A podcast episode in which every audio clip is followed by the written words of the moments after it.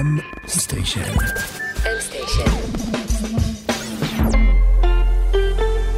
מבית מייקרוסופט בישראל. שלום וברוכים הבאים לעוד פרק של Buzzwords, מורה נבוכים. אתם כאן איתי אור וייס ועם עמית שוורצנברג. אה, והפעם המשך ישיר של הפרק שלנו על רכבים אוטונומיים. כמו שאנחנו תמיד מבטיחים, אנחנו נלמד איך עושים מזה כסף. ועמית, אמרת שיש לך הפתעה?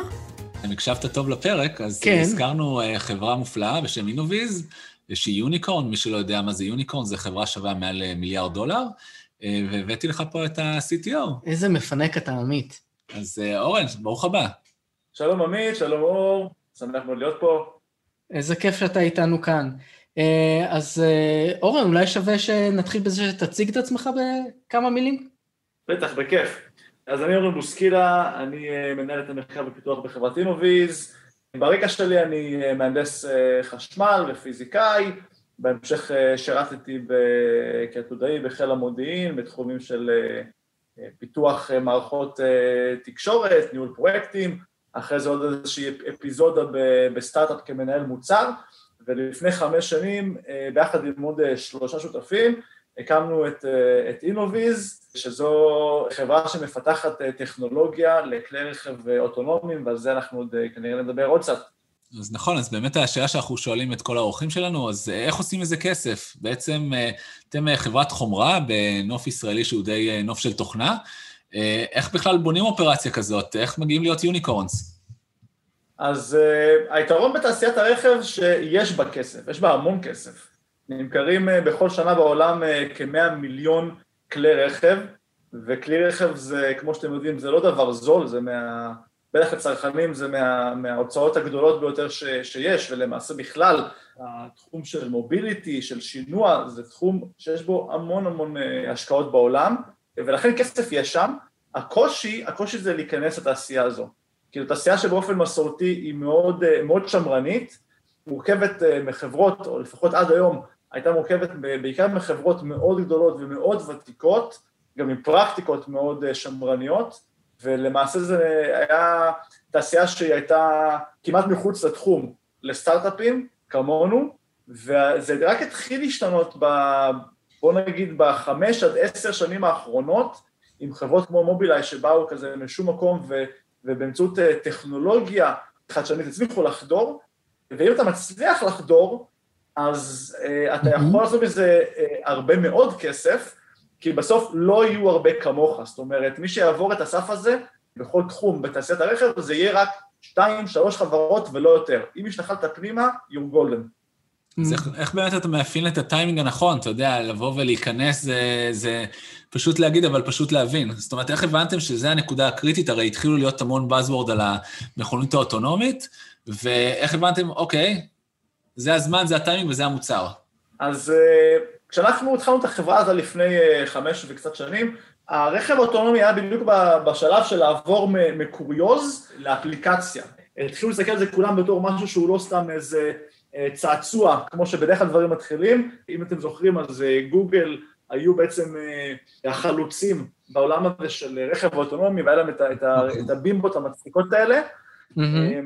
ואז בעצם זה היה שלב שחברות אה, אמיתיות, במרכאות, התחילו לגלות את התחום הזה והתחילו להכניס השקעות אה, מאוד גדולות. חברות כמו, אה, כמו פורד וג'נרל מוטורס בארצות הברית וחברות ענק בגרמניה, דיימלר ו- ו-BMW וגם חברות טכנולוגיה עצמאיות כמו אובר, אבל בעצם זה השלב של ממש ה-inflection point, שדברים התחילו, התחיל להישפך כסף אדיר והמון המון attention ברמה העולמית לרכב אוטונומי, ואנחנו זיהינו בתוך הציר פיתוח הזה של הרכב האוטונומי, זכור שעד שהוא לא ייסגר לא יהיו רכבים אוטונומיים בייצור המוני. זה עדיין יהיה בגדר קוריוז, בגדר, אה, אפשר להגיד, ניסוי מדעי, ולא בתור אה, אפליקציה שתשנה את, את, את השוק של הרכב וש, ולמעשה גם את, ה, את הכלכלה העולמית.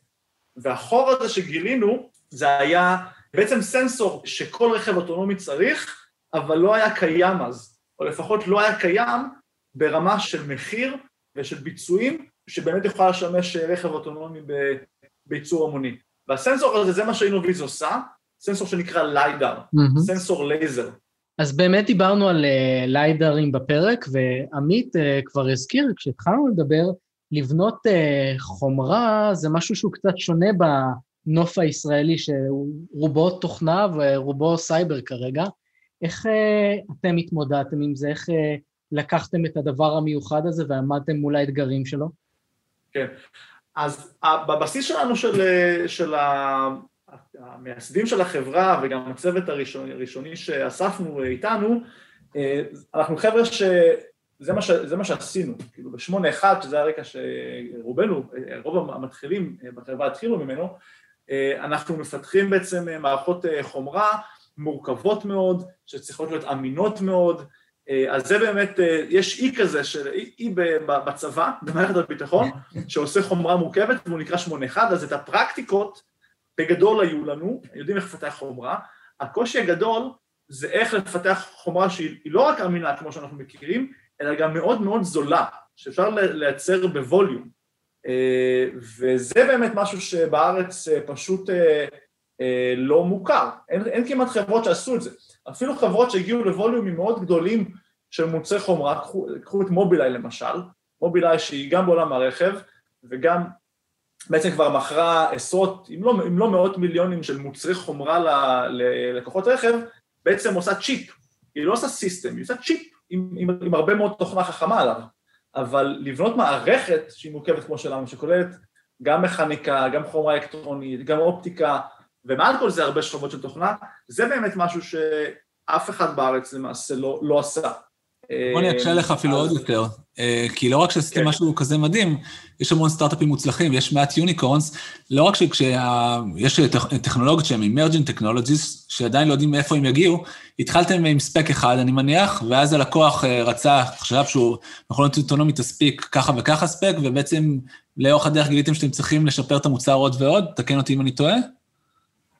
כן, אז בעצם תראה, זה התחיל כמו קומנדו, כאילו כשהתחלנו את החברה באמת התחלנו כמו, התחלנו כמו סטארט-אפ, היינו סטארט-אפ, עוד לא ידענו מה נהיה בתוך חמש שנים, והתחלנו כמו שאנחנו יודעים, התחלנו באמת מבצע קומנדו כזה של, של כאילו לעבוד ימים ולילות ולשנות אה, את, את המוצר תוך כדי, אפילו תחשוב שכולם מכירים פיתוח אג'ילי בתוכנה, עשינו את זה בחומרה, כן?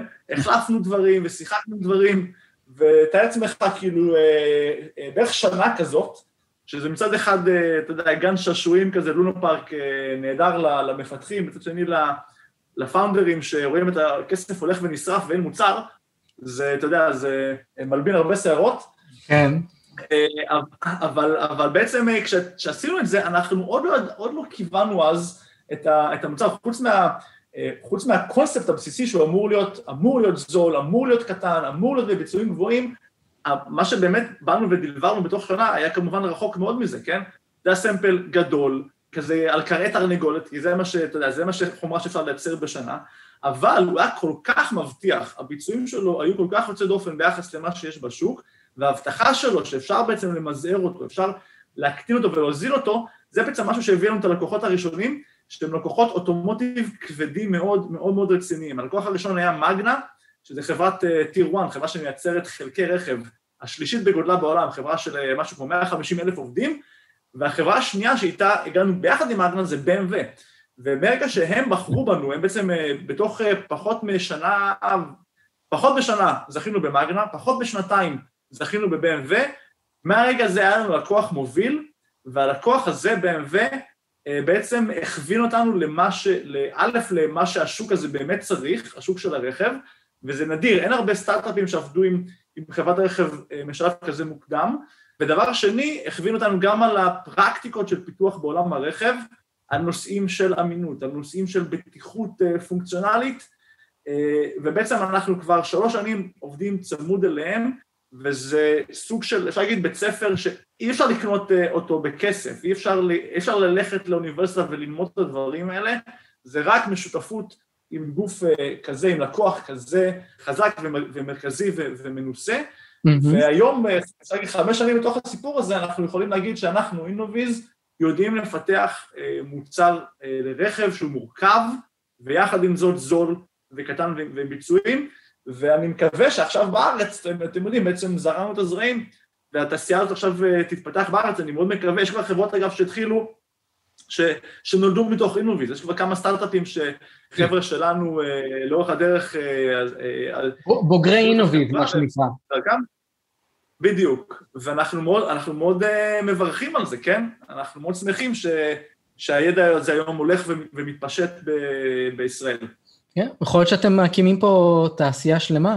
אני רוצה קצת לגעת בדברים שאמרת, אז בעצם דיברת על האתגר שיש לכל סטארט-אפ, להבין מה באמת קורה במציאות, איך המוצר באמת צריך להיות, והתשובות לזה בסוף נמצאות מחוץ לראש שלנו, והרבה פעמים בידיים של הלקוחות, ולהתחבר ללקוח הנכון, זה יכול להיות חלק קריטי בסיפור של מישהו שרוצה לעשות סטארט-אפ. בתוך זה דיברת על איך בניתם בעצם רכיב חומרה, וחיברתם אותו למציאות, חיברתם אותו ללקוחות, ולאט לאט התאמתם אותו לאיך שהוא צריך להיות בהווה. יש לכם כבר מחשבות על איך ייראה העתיד? איזה עוד דברים צריכים להיבנות בתחום הזה? אולי עוד מקומות שיזמים האחרים שמקשיבים לשיחה שלנו יכולים לקפוץ אליהם ולהתחיל את הדבר הבא? בטח. אז קודם כל, באמת אנחנו, המוצר הליבה שלנו זה מוצר, זה הליידר, זה הרכיב חומרה שמייצר את התמונה התלת-ממדית. עוד חלק ממנו למעשה שלא הזכרתי זה בעצם ה-perception, זה החבילת תוכנה שעושה ראייה ממוחשבת, עושה computer vision, בדומה למובילאיי, אבל מובילאיי עושים את זה על תמונה של מצלמה שהיא תמונה שטוחה, ושלנו עושה את זה על בסיס תמונה של הליידר שלנו, של תמונה תלת-ממדית. אז העולם הזה של perception, של, של Computer Vision מבוסס, מבוסס AI, מבוסס בינה מלאכותית ו-Deep Learning, אז זה, Deep Learning זה כלי, כן? זה לא, זה, זה Buzzword ששווה להקדיש לו פרק שלמים בפני עצמו, אבל... ונקדיש, ונקדיש. ותקדישו, יפה מאוד. הוא משתמש בהמון המון תחומים, וגם בעולם הרכב היום הוא הולך ותופס אחיזה.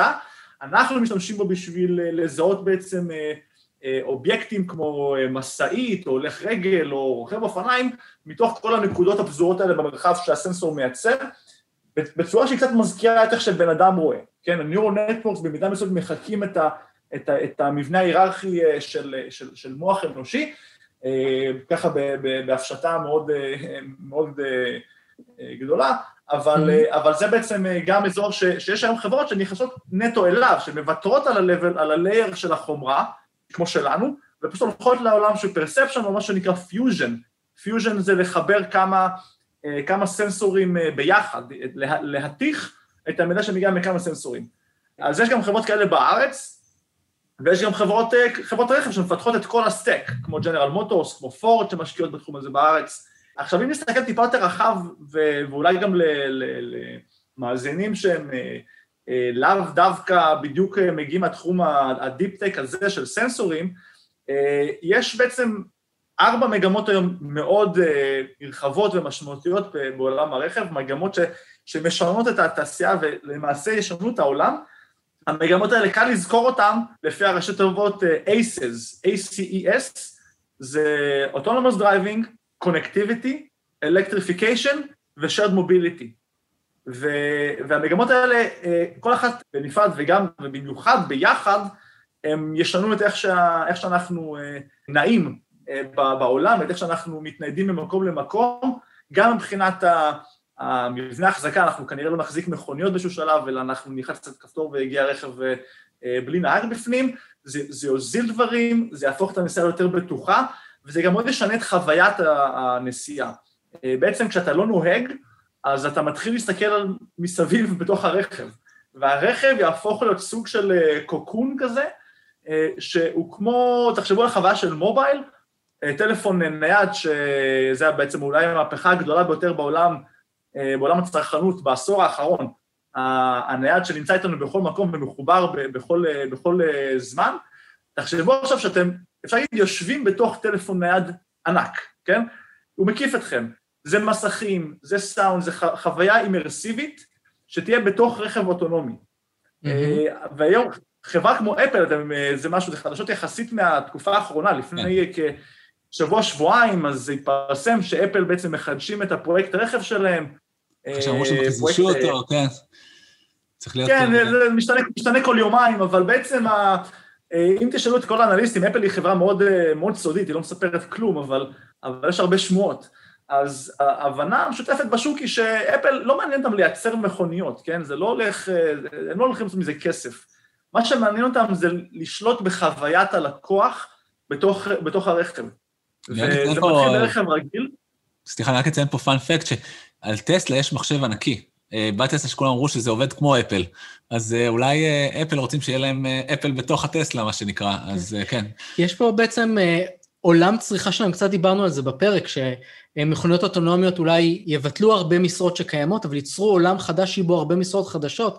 יש פה בעצם כנראה מוקד צרכנות חדש, מוקד הנגשה חדש של תוכן וחוויות לאנשים, וזה ייצור כנראה עוד אה, תעשייה שלמה מסביב. ושנייה לפני שאני מחזיר, אורן, מצטער שקטענו אותך, רק להגיד עוד איזשהו משפט קצר על דברים שדיברת, אז תנסו לחשוב על ההבדל בין...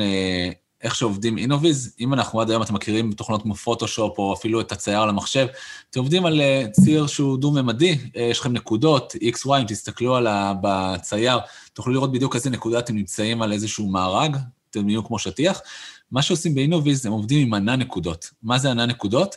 קחו את הנקודות האלה, ובמקום לשים אותם על שטיח, או על משטח שהוא דו-ממדי, שימו אותם במרחב. כל פעם שהאור או הלייזר הזה פוגע בבן אדם, נוצרת נקודה. ועכשיו הנקודה הזאת יש לה גם עומק. אז תחשבו שכל העולם הזה הוא לא, הוא לא אה, צייר פשוט, אלא צייר ענקי, וצריך המון המון חברות שיצליחו לא רק להבין איך עובדים כרגע עם אה, תמונה דו-ממדית, אלא איך עובדים עם תמונה תלת-ממדית, ויש כאן אה, המון המון innovation. ואורן, כן, סיפרת בדיוק על המהפכה של אפל ושכל החברות הגדולות מגיעות, ובאמת הולכות להפוך את זה לסוג של entertainment. איפה עוד אתה כן, רואה חידושים? החידושים יכולים להיות במקומות שהם באמת deep-tech, אה, למשל, אם הזכרתי את המגמה של אלקטריפיקציה, שזה מה שהקפיץ את אה, טסלה אה, בפקטור משהו כמו 60 בוולואציה השנה, כן? כן. היום טסלה שווה מכמעט כל יתר חברות הרכב ביחד, זה משהו מטורף, אבל זה בעצם המגמה היא, חישמול, כל כלי הרכב יהיו חשמליים, אז בתחום של חשמול יש באמת אין סוף רעיונות ואין סוף טכנולוגיות שמחכות לקרות. אז יש למשל חברה ישראלית בשם רי, שניצלה את העובדה שברכב חשמלי אתה לא צריך הנאה מרכזית, אלא אתה יכול לשים ארבעה מנועים קטנים, אחד על כל גלגל, ואז יש לך בעצם פלטפורמה שטוחה לגמרי עם ארבעה גלגלים חכמים ממונעים, וזו חברה, גם כן חברה כבר היא מאוד, אה, שעשה כברת דרך מאוד מאוד אה, יפה, גם כן כנראה בקרוב הולכת להנפקה, זו טכנולוגיה די עמוקה, יש טכנולוגיה אפילו יותר עמוקה, תחשבו על, מסתכל עליה, אני אוסיף פה שנייה אחת לפני הסוללות פאנפקט. היום שלוש מכל 70 רכבים הם אה, חשמליים, צופים שתוך אה, עשור 50 אה, אחוז מהרכבים יהיו חשמליים. הקטע שעדיין צריך לכבוש את שוק הטנדרים, ומי שראה את הטנדרים של טסלה ואיפה הם הולכים, יש טנדרים שרצים בכל מקום, אולי בישראל זה רכב פחות נפוץ, אבל האמונה אומר שבשנייה שנחשמל את הטנדרים בארצות הברית זה יהיה מיינסטרים, לא נראה יותר מזהמים. התחלת לדבר על סוללות. כן, לגמרי, אגב, טנדרים, אה, זה, יש היום תחרות אדירה למי יביא את הטנדר החשמלי הראשון, כן? גם טסלה מנסים עם הסייבר טראק, אבל יש להם, אה, יש להם מתחרה מאוד מאוד אה, רצינית בשם ריוויאן, שככה המציא מחדש את הטנדר. אני, אני מת שריוויאן כבר הגיעו לארץ, זה, זה הרכב הבא שאני קונה. זה לא... גם טסלה אגב מגיעים לארץ, כבר רשמי. הם קיבלו אישור יבוא. וואו. מזל טוב. כן, כן. הם הולכים אגב, להבדיל מחברות אחרות, הם לא, לא יפתחו, לא יהיו פה נציגויות של משווקים, אלא הם, הם שולטים גם בכל שרשרת הערך. הם, הם גם בעצם מחזיקים את הסוכנויות בעצמם, אין, אין מתווך בינם לבין הלקוח, אז הם, זה מודל חדש גם של, גם, של, גם של הפצה, אז בקרוב אה, כולנו, אה, מי שיש לו 300-400 אלף שקל אה, ככה נזילים, כולנו נוכל לנסוע בטסלות, אבל בהקשר של חשמול שהזכרתי, בעצם הסיבה שטסלה היא כל כך יקרה, והיא עדיין יקרה, וגם יתר, יתר הרכבים החשמליים עדיין יקרים, למרות שרוב המכלולים שלהם הרבה יותר פשוטים, כן? אין שם מנוע אה, גדול ו, וזללן אה, בדלק ושמן ותחזוקה, ואין שם גיר. אה, הכל, הכל שם מאוד פשוט ואמין יחסית. הדבר, הסיבה שרכבים חשמליים מאוד יקרים זה בעיקר, בעיקר בגלל הבטריות. הסוללות היום הם רוב העלות של הרכב, וה, ויש היום גם uh, תחרות אדירה למי יצליח להוזיל את הסוללות, כי זה מה שבאמת יביא את, ה, את הרכבים החשמליים למיינסטרים, ומה ש, שהזכרת, עמית, זה שבעוד uh, עשר שנים, uh, וטיפה יותר אולי, רוב הרכבים, אולי כולם יהיו חשמליים, מה שיביא את זה, זה רק מהפכה uh, בסוללות. כן? אז כל הכימאים והפיזיקאים של העולם התגייסו, מוזמנים להתגייס ולפתור את הבעיה הזאת, אז זו בעיה שהיא טכנולוגיה עמוקה, אבל יש גם פתרונות שהם פחות, פחות עמוקים מבחינה טכנולוגית. אז אם דיברנו נגיד על נושא החוויית משתמש, חוויית נוסע, פה יש המון אפליקציות שכמו ש, שתיארת, עמית, זה, זה, זה הולכים להיווצר פה כל מיני הזדמנויות, כל מיני שווקים שהיום לא קיימים, ואפשר לחשוב על דרכים לטרגט אותם. זה כן כנראה כמה שנים קדימה, כי זה הולך להתבסס על הקיום של רכבים אוטונומיים, אבל זה הזמן להתחיל. אני אתן לכל אחד לחשוב בבית על מה, מה הוא היה רוצה לעשות, או מה הוא היה יכול לעשות אם הוא היה יושב בתוך רכב חשמלי, ואז לכו תממשו את, ה, את החלום הזה. מגניב, אני רק אה, ציינת משהו נורא יפה, שבעצם זה יביא אינוביישן, וציינו את המובייל, אז חלק מהתעשייה של הרכבים נקרא מזה שהתחילו למזער רכיבים בשביל שזה יהיה בכל כיס. המזעור רכבים האלה בסוף הגיע אלינו עכשיו לתוך הרכבים, הרכבים האלה יצרו אפליקציות, כמו שאמרת, וזה נורא יפה לראות את המנוע קטר הזה, אה, רץ ומשנה את כל העולם. אה, חדשנות מביאה עוד חדשנות. אה, אז אני אשמח ככה, אורן, לסיום, יש לך המלצה מעבר לרעיונות מגניבים לסטארט-אפים ולעתיד, המלצה לספר טוב, סרט או חוויה שאפשר לעשות בתקופה כזאת? בטח, אז טוב, תקופה, תקופה כזאת, אין הרבה מה לעשות בתקופה כזאת, אנחנו לא, הם לא הולכים לקולנוע ולא נפגשים עם אנשים כל כך בחוץ, אה, מה, ש, מה שאני עושה בתקופה הזאת הרבה זה, זה, זה לרוץ. ספורט יחידני עדיין מותר, אפילו בסגר מותר לרוץ, כל עוד זה לבד, ואין הגבלת מרחק אגב על, על, על פעילות גופנית, אז רוצו לאן שאתם רוצים. אה, אז א', אני ממליץ לכולם לרוץ, זה דבר, אה, יש הרבה, הרבה סיבות טובות לרוץ, ויש גם, יש ספר ממש ממש טוב ש, שמסביר למה בני אדם בעצם נולדו לרוץ, למה אנחנו החיה שלמעשה יודעת להתמיד בריצה יותר מכל חיה אחרת. אין אף חיה שיכולה לנצח אותנו במרחק של נניח 200 קילומטר ריצה, כן? אז זה ספר שנקרא נולדנו לרוץ, שאני ממליץ לכולם אה, לקרוא, אבל אה, ספר אה, יותר מאוחר ש, שקראתי, סיימתי בדיוק שבוע שעבר, ואני ממליץ גם, ממליץ להקשיב לו בזמן ריצה, ספר שנקרא על מה אני מדבר כשאני מדבר על ריצה. זה ספר של הרוקי, הרוקי מורקמי, למי שמכיר, כן, כן, זה סופר, סופר יפני אה, מפורסם, אולי מהמפורסמים אה, ביותר מיפן למעשה, כתב ספרים אה, רבי מכר כמו קפקא על החוף, כמו יער נורבגי שאני מאוד אוהב, אז מסתבר שחוץ מלכתוב ספרים, הוא גם כל שנה רץ מרתון אחד, במשהו כמו 30 השנה האחרונות. כן. הבן אדם הוא באמת אצן למרחקים ארוכים. זה לא... מה שיפה בספר הזה, הוא קצת... כן, כן, נכון, בדיוק, זה משהו שכנראה הוא לא, הוא לא כל כך uh, בא לידי ביטוי ברוב הספרים שלו. מלא פאנפט לכל המאזינים היום, זה ממש, uh, אתה יודע, שדרגת אותנו. אני, אני שמח, אז לכו תקראו, אתם תשמעו גם על, אה, גם על מי שאוהב את ארוכי מורקמי, זה בעצם ספר שהוא מאוד מאוד אישי, הוא מספר המון על החיים שלו ואיך ה, הריצה, הריצה ליוותה אותו במהלך החיים, וגם על איך מיישבים את, ה, את ההרגל הזה, את התחביב הזה, עם, אה, עם חיים פרודוקטיביים ש...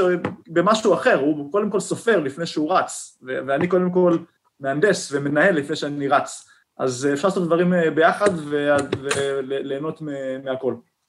אז אני ככה, דיברת על להקים סטארט-אפים אחרים, אני דווקא ממליץ לאנשים שיסתכלו באתר משרות אצלכם, באינוויז, ויסתכלו ככה איך אפשר להצטרף למהפכה שכבר קורית אה, פה בישראל. למי שככה, אה, זה לא אומר שהוא להקים את הסטארט-אפ אחר כך, זה אומר שיכול אה, לבוא וללמוד מהבית ספר מהגדולים כן, ביותר. כן, נשמע שזה כבר מכונה שמדפיסה סטארט-אפים. כבר יצאו אנשים, לומדים תחומים חדשים, יש פה הרבה הזדמנויות.